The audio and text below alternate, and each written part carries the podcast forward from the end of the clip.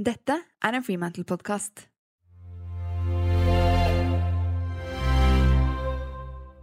Hvis det ikke var for oss som lagde dette magasinet, så hadde ikke du hatt en jobb å gå til og være viktig, Per. Så bare se til helvete og begynn å vise oss litt respekt.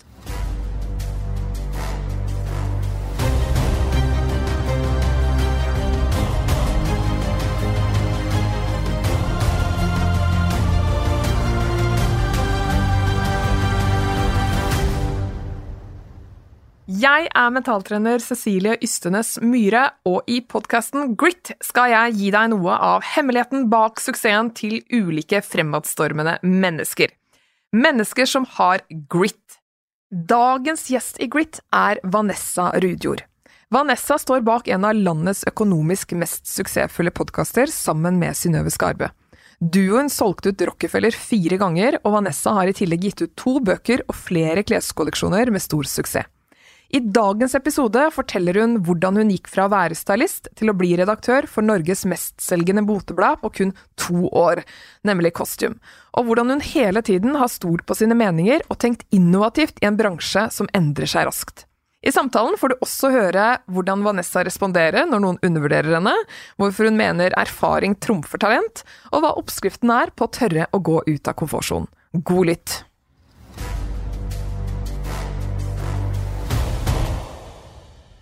Velkommen til Grit Podcast, Vanessa. Tusen takk. Du har en lang karriere, og du har gjort masse spennende og krevende, hvis det er lov å si, på mange måter. Kan ikke du fortelle litt, litt om din historie? Ja, da skal jeg prøve å holde det bitte litt kort, for det er jeg veldig dårlig til. Jeg starta jo med at jeg flytta til Oslo, og da begynte jeg på makeupskole. Og det var egentlig litt tilfeldig, fordi eh, det var liksom det eneste jeg fant så jeg kunne begynne på etter jul, for jeg hadde så nok av Stavanger.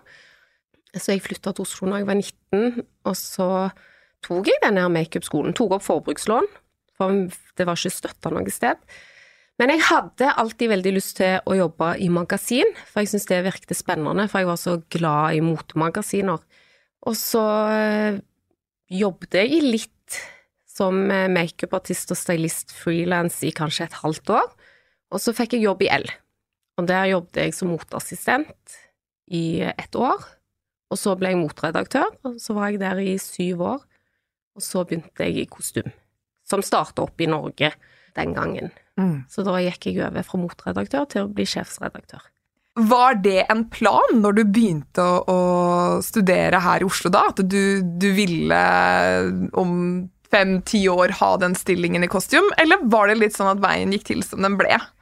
Den gikk veldig til som mens gikk den. For jeg har alltid sagt når jeg var yngre, så sa jeg sånn ja, jeg liksom fins ikke ambisiøse, jeg bare tar det så det kommer. Mens husker jeg mamma sa til meg at ja, men du har jo alltid sagt fra du er liten at du vil jobbe i Vogue. Og jeg bare hæ, har jeg sagt det? Mm. Men eh, jeg tror at jeg alltid har hatt et sterkt hovedmål. Men jeg har ikke snakket så mye om det til andre, fordi jeg syns det er bedre å bare ha det liksom der framme.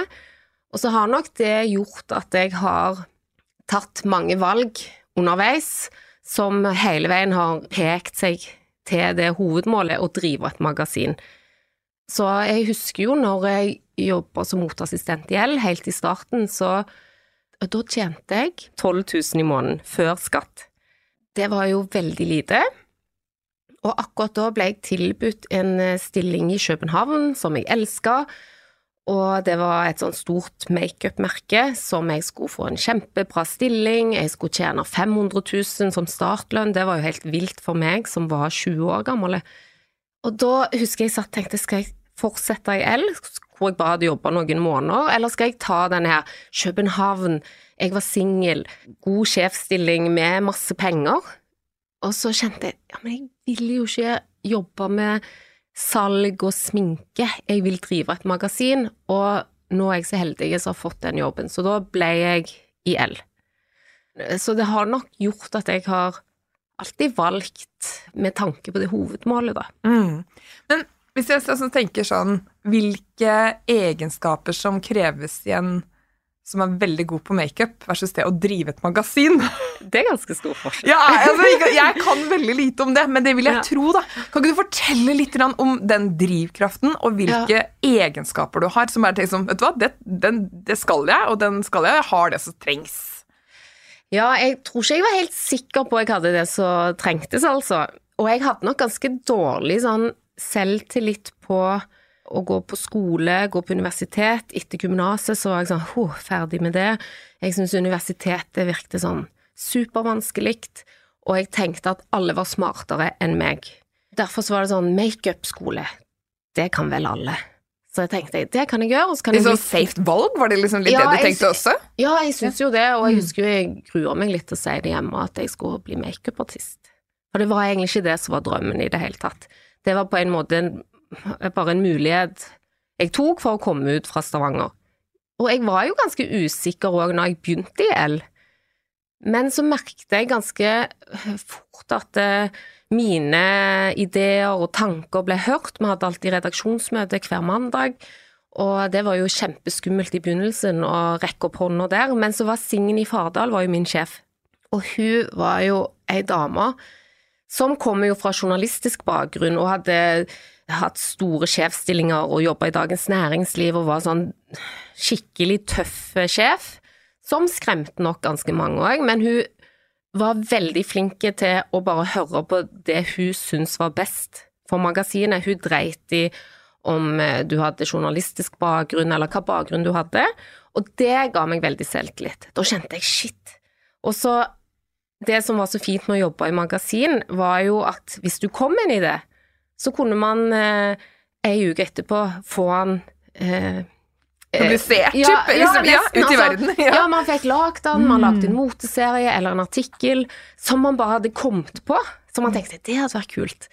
Og så kan man til og med òg få se resultatet i magasinet, men ikke minst så syns jeg det var spennende å se hvordan det solgte. Og jeg tror jeg ble litt sånn analyserende på hva som funka. Jeg var ikke bare sånn 'Å ja, nå har jeg levert en forside og en idé', og det ble fint. Jeg var veldig sånn 'Hvorfor solgte jeg den mer? Hvorfor solgte jeg ikke den mer?' Så jeg gikk ganske sånn analytisk til verks, og syntes det var det som var spennende. Men er det sterkt sånn konkurranseinstinkt i deg på det, eller hva? Ja, jeg tror det. Ja. Ja. ja. Jeg tror jeg har det, for jeg har jo alltid ønsket eh, konkurranse hjertelig velkommen. Syns det er veldig kjekt, og det er det som motiverer meg. Spesielt når jeg jobber i kostym, for vi var jo litt sånn utfordrer den gangen, fordi da var det mest bare L som var liksom et eksklusivt motemagasin. Vi hadde jo masse andre, men det var mer sånn livsstil, ungdomsmagasiner, litt andre typer magasiner, da.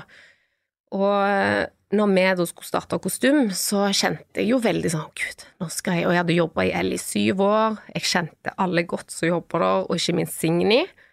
Og nå skulle vi bli konkurrenter. En utfordrer, yes. Ja, og det syns jeg jo var veldig spennende, og liksom en drivkraft, helt Mm. klart. Gikk du veldig sånn offensivt til verks der, eller? For det er sånn interessant å bare komme inn i hodet ditt på det. Hva, hva tenkte du i en sånn setting? Altså, Hvordan er din indre dialog i en sånn setting? Da- Det er sånn. Nå kjører vi, og nå skal vi vise hva vi er gode for, eller? Jeg bare sånn, Shit, hva har jeg gjort? Ja, jeg var livredd. Ja, du var redd. Ja, ja, ja. Ja, ja. Jeg var livredd helt i starten og når jeg skulle begynne å ansette folk. Og jeg hadde jo ikke peiling på budsjetter og alt, og personalansvar, ikke minst. Og så var det jo òg eh, vanskelig å vite hvem er det man skal ha til den stillingen og den stillingen, og så følte jeg jo litt at jeg hadde Måten jeg fikk jobben på, følte jeg jo var litt sånn Gud, nå har jeg lurt Bonnier totalt. Fordi at jeg var jo på et sånn Jeg ble, var på et sånn intervju med en sånn headhunter som hadde ringt meg. Og imens jeg sitter i det intervjuet, så skjønner jeg ganske langt ut i intervjuet at eh, nei, jeg skal ikke bli De vil ikke ha meg som motredaktør. De vil ha meg som sjefsredaktør, kanskje. Og da måtte jeg bare late som inni meg sjøl Ok, da må jeg bare late som det kan jeg. Og så eh, skjønte jeg underveis òg i det intervjuet, så sa hun ja, men hvis vi ansetter hun som sjefsredaktør, det var jo en annen da som var eh, i konkurranse med, mot meg, eh, kunne du tenkt deg å jobbe ved siden av henne som motredaktør? Det kunne jeg jo, men da kjente jeg selvfølgelig, da tar jo de hun som er mye smartere og har gjort det før, eh, enn meg, men hvis jeg sier nei, så vet jeg at de får jo ikke Da vet de at de ikke får meg på lag i det hele tatt. Så da sier jeg det er helt uaktuelt, sa jeg. Så da måtte jeg satse litt, da. Ja. Og så da når jeg starta magasinet, så kjente jeg jo litt at jeg hadde nesten juksa meg litt til det, og da kom den følelsen tilbake igjen, den med at eh, alle er bedre enn meg, hva det er jeg holder på med, alle er smartere enn meg, eh, jeg kan jo ingenting. Eh, Men likevel så har du jo bare liksom gyvd på fremover. Ja, og når vi starta magasinet, så var jeg jo veldig sånn som ga alt, og jeg tenkte, prøvde å tenke litt sånn nytt og gode ideer som ville selge. Og så tror jeg at når jeg sier jeg hadde et godt øye på en forside som selger, det har veldig mye å si i magasinbransjen, men det er nok bare av erfaring, egentlig. Så når folk ofte sier at de har talent for ting, eller, eller har bare, det, jeg er bare født med sånn blikk, så tror jeg nok at det er mer erfaring, egentlig. Og det hadde jeg jo hatt i L, da. Ja, og ikke minst evnen til å analysere litt. Hva er det som gir de gode Ja. erfaringene? Det er jo ganske vesentlig. Men jeg tenker sånn, fordi du og Synnøve også var jo veldig tidlig ute med podkast. Altså, du, du har liksom vært god på det å gjøre ting som du ikke alltid da har veldig god erfaring med fra før av. Ja. Og da, og da kan man jo kjenne på det å være ute av komfortsonen og ikke alltid like sikker, men likevel så er det jo noe som gjør at du går ut Ja. av den sonen rett som det er. Da lurer jeg liksom, hva er liksom grunnholdningen din? Det er nok at jeg syns det er spennende å gjøre noe som er helt nytt, da, Ja. og som jeg ikke kan. Og jeg husker jo òg når jeg skulle slutte i kostym, det siste året i kostym, så begynte jo hele bladbransjen å gå til helvete i resten av verden. Og så var vi på et sånt seminar, sånn lederseminar, hele Bonnier, og alle snakket veldig mye om at ja da, det går til helvete i hele verden med bladbransjen, men ikke her. Dette går så bra. Og da kjente jeg få meg til helvete ut. For jeg kjente, da, da, da følger de ikke med, og da, da lever de på en sånn løgn. Og hadde de vært mer sånn ja, dette er en veldig utfordring, og hørt på mine forslag på hvordan vi kunne omstille oss til en digital verden kjapt, og bare lagt ned, bare hatt to magasiner i året, gjort, altså jeg hadde masse innspill på det seminaret på hva vi kunne gjøre. Og de var sånn Nei, nei, nei, det, vi skal aldri legge ned, er du gal? Og da kjente jeg liksom Ja, men da går det ikke. Da er vi på to helt forskjellige baner. Så jeg tror nok jeg hadde blitt der lenger hvis eh, jeg følte at vi var på samme side. Ja, og anerkjente utfordringen som lå i markedet. Ja. Så da begynte jeg å tenke ok, hva kan jeg gjøre da? Jeg har jo jobba i magasin i 16 år, det var det eneste jeg har gjort hele livet. Og så får man jo òg litt sånn stigma på at man har jobbet i et motemagasin hele livet. Og eneste utdannelsen jeg hadde, var jo makeupartist. S- Som jeg vet at folk har sånn fordommer mot å, hun er sånn dumme sminkedame. Og at de liksom- kjente du på det? ja, det kjente jeg på hele tiden, og det, Ja. det kjente jeg òg i kostym, selv om vi var det magasinet i Bonja som uten, altså, uten konkurranse dro inn alle pengene. Mm. Men vi ble liksom Og jeg ansatte jo bare sånn unge jenter.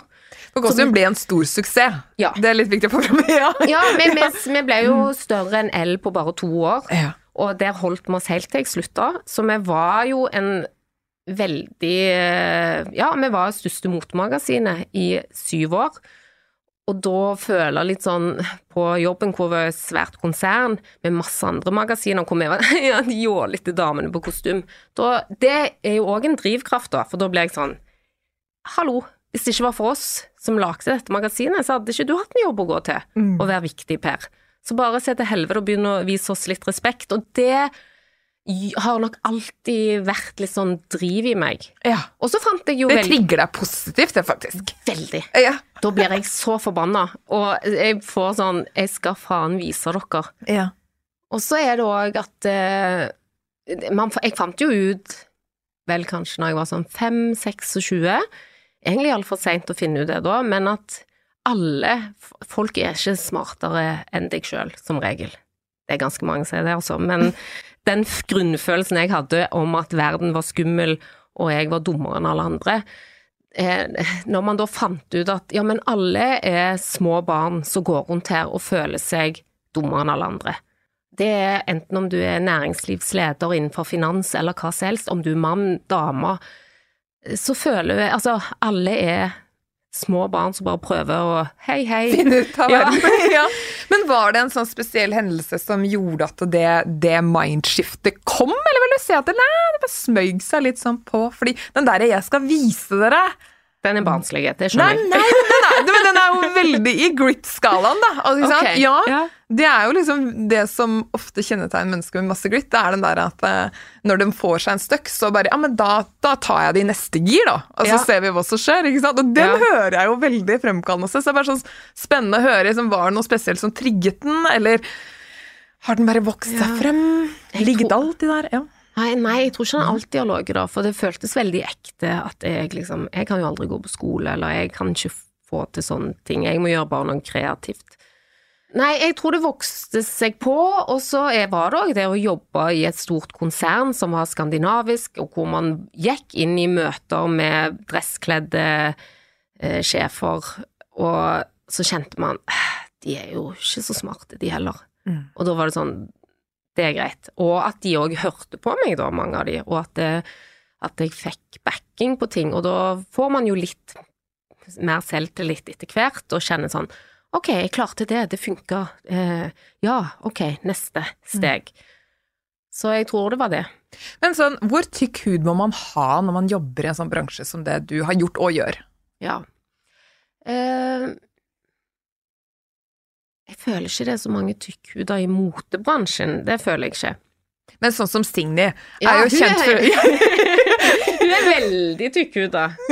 ja, Og du Ja. har jo tålt henne veldig bra, altså Ja. hennes lederstil, og det var det ikke alle som gjorde, som du sa, men, men du og Synnøve gjorde det ganske bra. Ja. Hva, hva var det som gjorde at du, du tok det bra og klarte å bruke det hennes stil til noe konstruktivt? Og, ja? Eh, det jeg merkte fort, var at eh, hun var veldig tydelig og sa alt rett ut med en gang. Og da merket jeg ganske kjapt åh, da kan jo jeg være sånn med hun òg. Og det syns jeg jo er så befriende, for det verste jeg vet, er jo folk som jeg lurer på, liker hun meg, er hun sur i dag, hvordan skal jeg, jeg, jeg det, det liker jeg ikke, hvor man må liksom hele veien tilpasse seg og gå på nåler. Her, det var veldig enkelt å forholde seg til Signy. Og, What you eh, see is what you get, liksom. ja, og hun var ikke en, hun var ikke en sånn in, intrigesjef, og det syns jeg er mye verre. Jeg syns det er mye kulere med noen som er litt tøffe og sier sånn Nei, dette her ser jo helt jævlig ut, hva er det dere har tenkt på? Nei, sorry, vet du hva, jeg er litt enig, jeg dreit meg ut av Eller nei, dette er fint. Dette er fint, sett det på trykk. Ja, og da Altså, vet du at det er fint. Ja. ja, at man eh, Jeg syns det var Ja, veldig fine sjef å ha. ja. Ja. Vanessa, du snakker om at eh, åpenhet også er viktig for deg. I hvilke andre settinger bruker du det som et kall det verktøy da, for å spille deg selv god? Jeg, jeg tror jeg alltid har vært åpen med det jeg ikke kan i en jobb. Og helt i starten så er jo det litt vanskelig når du er ung og akkurat kommet ut i eh, karrierelivet. Men det, hvis du ikke tør å si hva du er dårlig på, så eh, kommer du til å grue deg til å gå på jobb hver dag. Så både som eh, sjef og som ansatt så sa jeg ganske tidlig at eh, ja, jeg skjønner min jobb er å ringe folk og få folk til å stille opp. Det har jeg veldig vanskelig for, for jeg synes, da går jeg bare og tenker på den telefonen jeg må ta, jeg synes det er grusomt å ringe og spørre noen om noe, så det må, kan noen andre som er flinke på det, gjøre det i stedet. Så kan jeg gjøre noe annet, og det er jo litt viktig når man sier hva man er dårlig på, som er jobbeskrivelsen din. Da må man si eh, men jeg gjør gjerne noe annet. Jeg er for eksempel kjempeflinke til å sette opp Excel-ark, så da kan jeg ta den kjedelige jobben, hvis du bare kan ringe folk. Ofte så sier folk at ja, du må alltid ansette folk som eh, er bedre enn deg og sånn, men ofte så er alle ikke kjempegode på alt i en jobbeskrivelse, og det tørre å si eh, hva man er god på og dårlig på, og så finner man ofte en løsning. Og så bygge på styrkene dine, da. Det syns jeg er en ganske kul mentalitet. Og ikke minst liksom ta litt sånn Hvordan løser jeg dette? Ikke bare at man alltid kan delegere, men altså det der å bare Ja, ta eierskap til styrkene dine. Det er de jeg Bygger på de, det er da jeg lykkes, høres det ut som du har hatt en sånn mentalitet rundt. Ja, og jeg syns jo det egentlig var litt flaut ofte å si fra om de tingene òg, for det er jo sånne ting som har plaga meg mye, og tenkt det må jeg bli bedre på, jeg må bli bedre på det. Men det er så befriende å si vet du hva, det klarer jeg ikke, men Ja. da skal jeg bli enda bedre på det jeg kan. Og da tror jeg òg folk blomstrer mye mer og har det mye bedre på jobb hvis man går på jobb og kjenner fy faen, jeg får gjøre det jeg er best på. Og som regel så er det noen ting som folk hater å gjøre, men som kanskje noen andre liker. Så det er det å tørre å være åpen om de tingene der.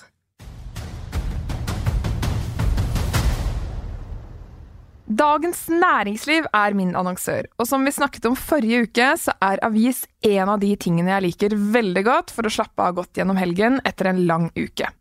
Hvile og restitusjon er helt nødvendig for å yte maks i en jobbsituasjon, mener jeg. Og når hvile kan kombineres med underholdning og innsikt, ja, da slår man rett og slett to fluer i én smekk. Helgeabonnementet til DN består av både D2 og DN sitt magasin, så her får du flust av begge deler. Nå er DN inne i siste del av høstkampanjen sin, der du får full tilgang til alt kvalitetsinnhold, både digitalt og i papiravisen i helgen, med D2 og magasinet levert hjem til opp mot 70% rabatt. I kroner og ører så betyr det at tre måneder koster kun 590, og at et halvt år koster 990.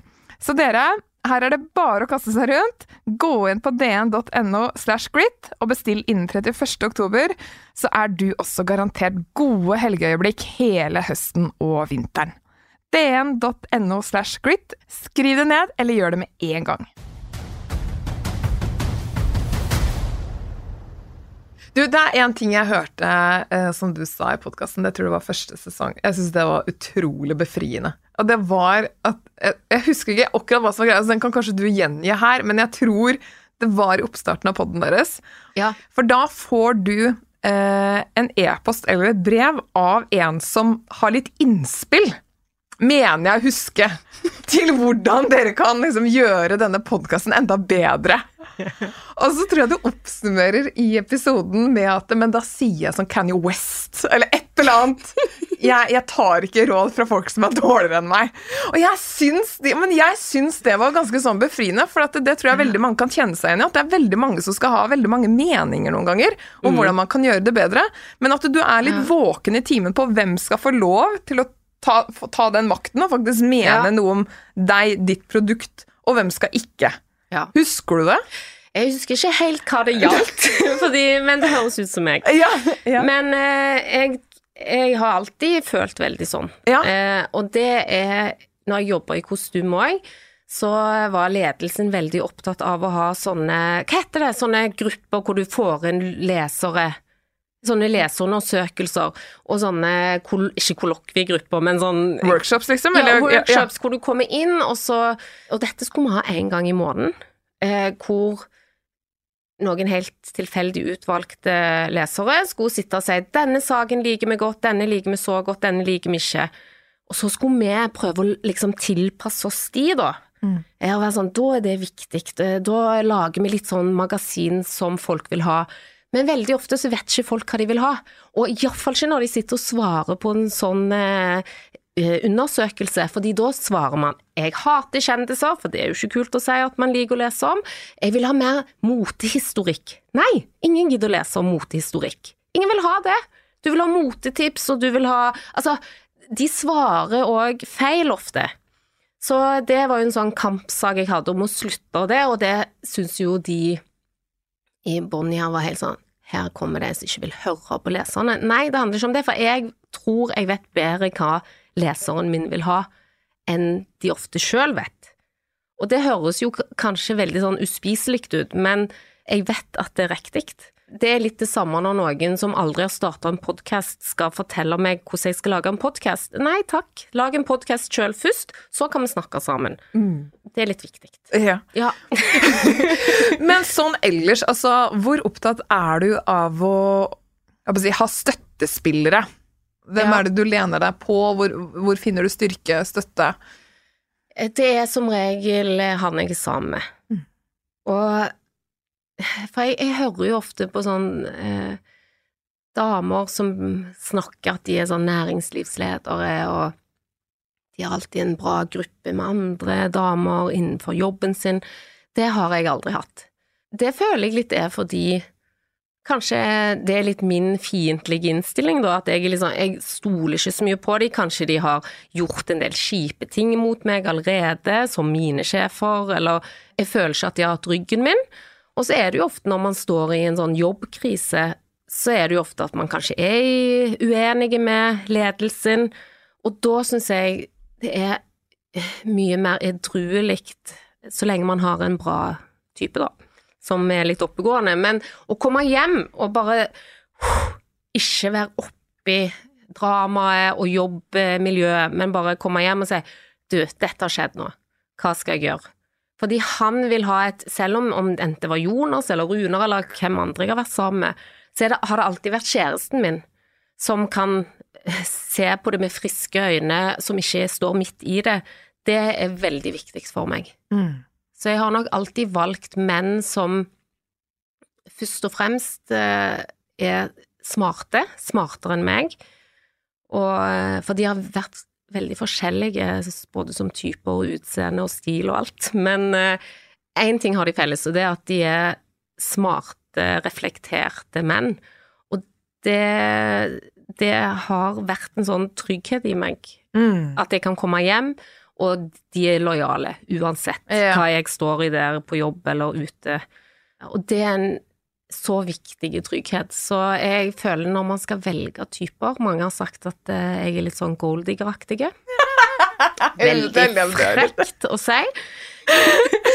Men jeg har eh, jeg, jeg liker menn som er trygge, smarte og har en sånn Som kanskje er litt ambisiøse sjøl òg. Ja. Og vi som ikke da har vært gift med disse mennene Har du ikke? Er det Nei, du som er har ikke deg, nei. uh, så tenker kanskje vi kan fort, altså, Hva vil du si du har sånn litt sånn oppsummering, Hva slags mentalitet har du tatt med deg fra de forholdene? Uh, Det er Jeg tror mentaliteten er at det, du kan gjøre så mye galt du vil. Eh, Vi er her uansett. Vi liker deg. Ja. Og du kan Ja, du skriker litt mye på jobb, du kan ha slutta på jobb fem ganger. For det har jeg gjort. Og så vet jeg, når jeg kommer hjem, så er de sånn Du, det går fint. De er ikke sånn Herregud, gjorde du det? Er du helt idiot? De er sånn Ok, da må du tenke på hva vil du? Er du glad for det du sa? Nja, ikke helt. Ok, altså at de alltid har vært veldig sånn backende uansett. Og det gir meg frihet til å være litt vågal der ute. Og sånn, det tror jeg òg bunner i at når jeg vokste opp, så hadde jeg jo tre eldre brødre som var veldig sånn macho, tøffe.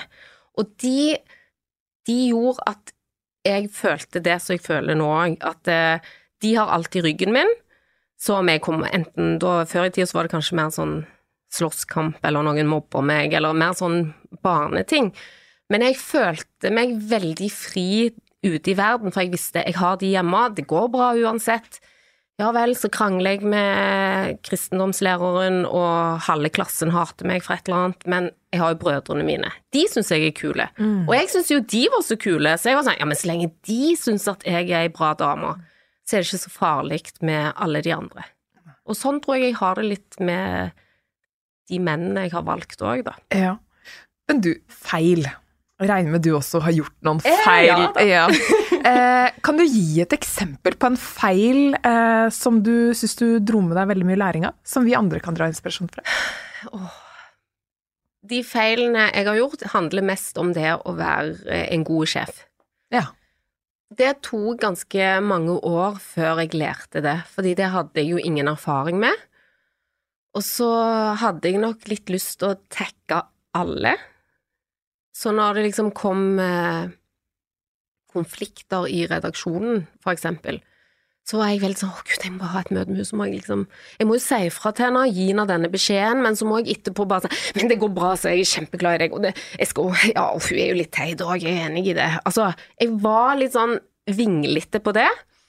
jeg var ikke tydelig nok og klare nok. Jeg tok liksom ikke den litt ubehagelige sjefsstillingen som jeg burde tatt, sånn at man alle føler seg jo mye tryggere da. Jeg var mer opptatt av å tekke de. Men jeg lærte òg en måte å kommunisere på når jeg skulle gi en vanskelig beskjed. Eller, og det trengte ikke være at det var når det var konflikt, det kunne være bare en som alltid gikk klokka tre for å skulle hente i barnehagen. Som er helt greit, det, men det alle mange andre her så skal hente i barnehagen, eh, det er ikke greit at du går klokka tre hver dag. Da må du ha mindre stilling. Da kunne jeg eh, Da kunne jeg før sagt fra på en måte som var sånn Ja, du, eh, du går jo hver dag klokka tre.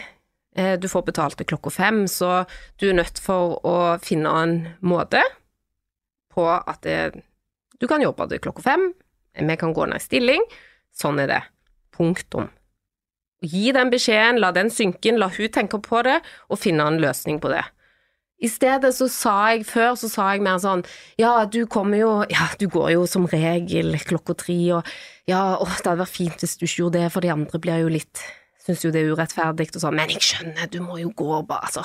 Går, jeg var så utydelig, for jeg var så redd for å være upopulær. Ja. Så mindre opptatt nå av å bli likt, og, Ja.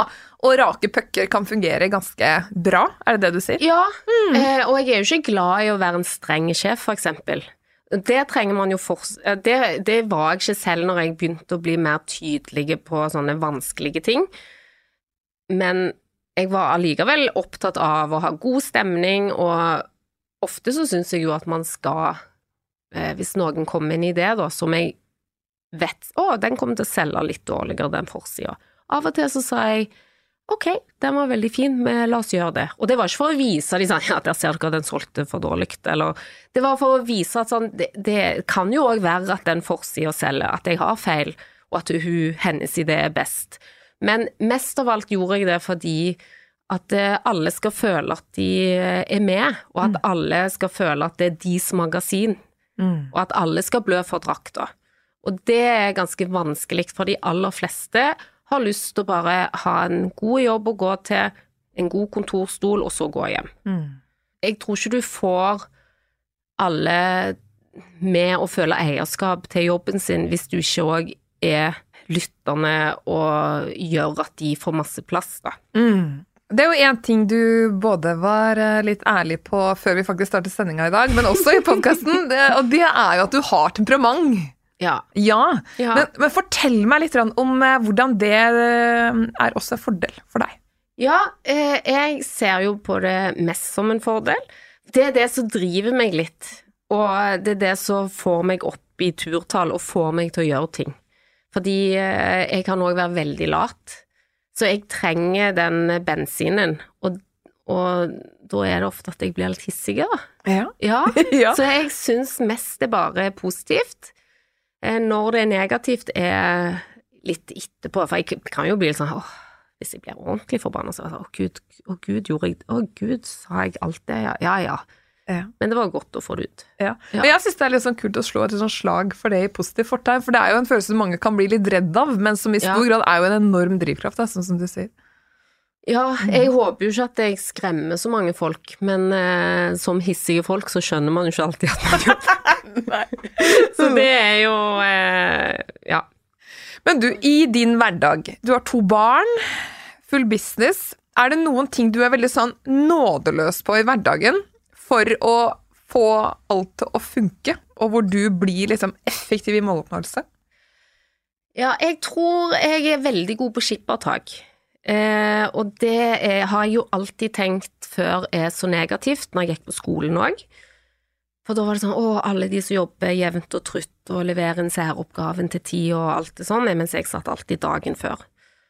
Men så har jeg funnet ut at det, det er Jeg trives best med å leve sånn, fordi jeg er veldig flink til å bare gi meg helt fri. Og det gjør jeg veldig ofte. Jeg kan være sånn Å, i dag skulle jeg jo egentlig, burde jo egentlig gjort eh, det og det, sendt de mailene, sendt ut fakturaer og gjort sånne ting. Så kjenner jeg hva i dag, nei. Jeg har sovet litt dårlig i dag. Vet du hva jeg gjør? Jeg lager sånn full kosedag i senga, ser bare på serier, og så har jeg ikke dårlig samvittighet. Men da er jeg jo òg mye mer effektiv dagen etterpå. Og da er det bare Da er det fullt gir og jobbe som et svin, men det gjør jeg fordi jeg hadde det så koselig med meg sjøl i går at da kjenner jeg nå er det greit. Mm. Og så tar jeg kanskje fri en dag etterpå der igjen.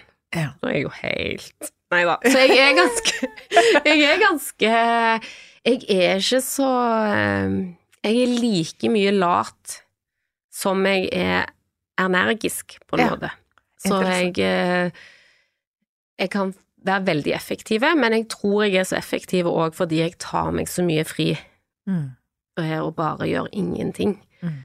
Men med tanke på sånn barn og få hele det familielivet til å gå opp, der er er vi ganske sånn beinharde på eh, timeplan, som høres jo litt usexy ut, men det skaper så eh, altså, mye forutsigbarhet for alle. Ja, og handlingsrom, kanskje? Ja, som gjør at Å ja, men nå har jeg fri. Nå vet jeg hva jeg skal. Jeg vet alltid hvem som henter og leverer.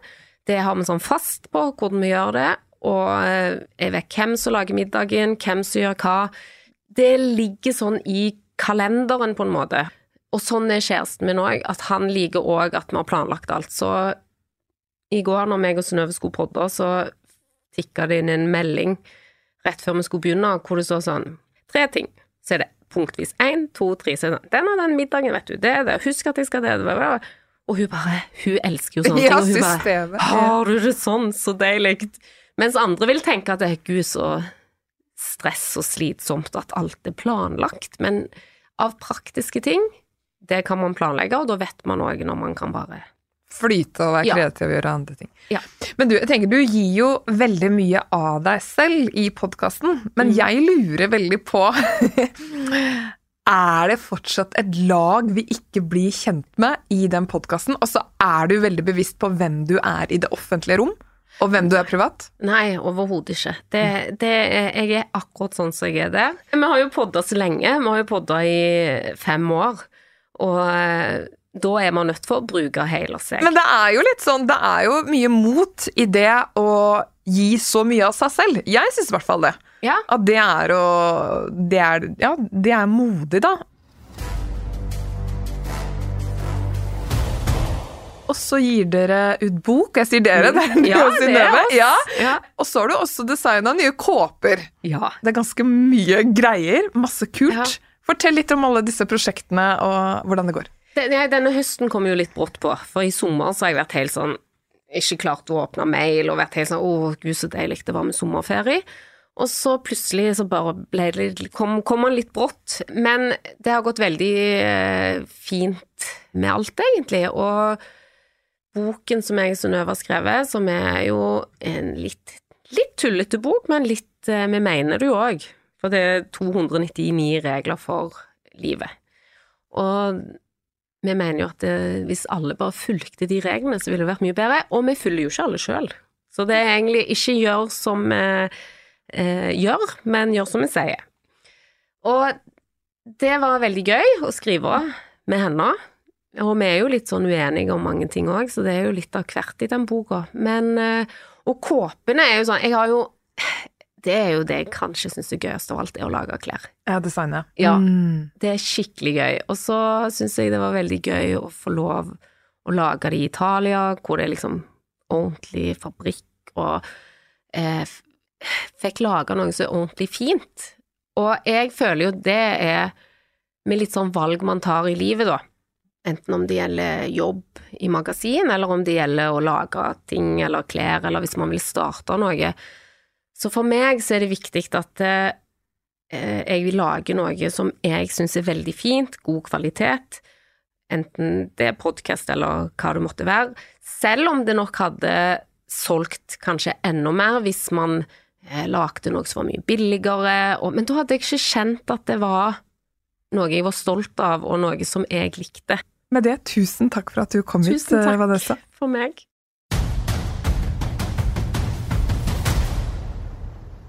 Det er mye vinnermentalitet i Vanessa sitt hode. Oppsummert ønsker jeg å trekke fram tre vesentlige ting opp mot mental styrketrening. Det ene handler om hvordan Vanessa verdsetter sine nære relasjoner, eksempel samboer eller sine brødre. Hun sier jo i samtalen 'de er alltid ryggen min, elsker meg uansett', og det gjør at jeg kan være fri og vågal ute i verden.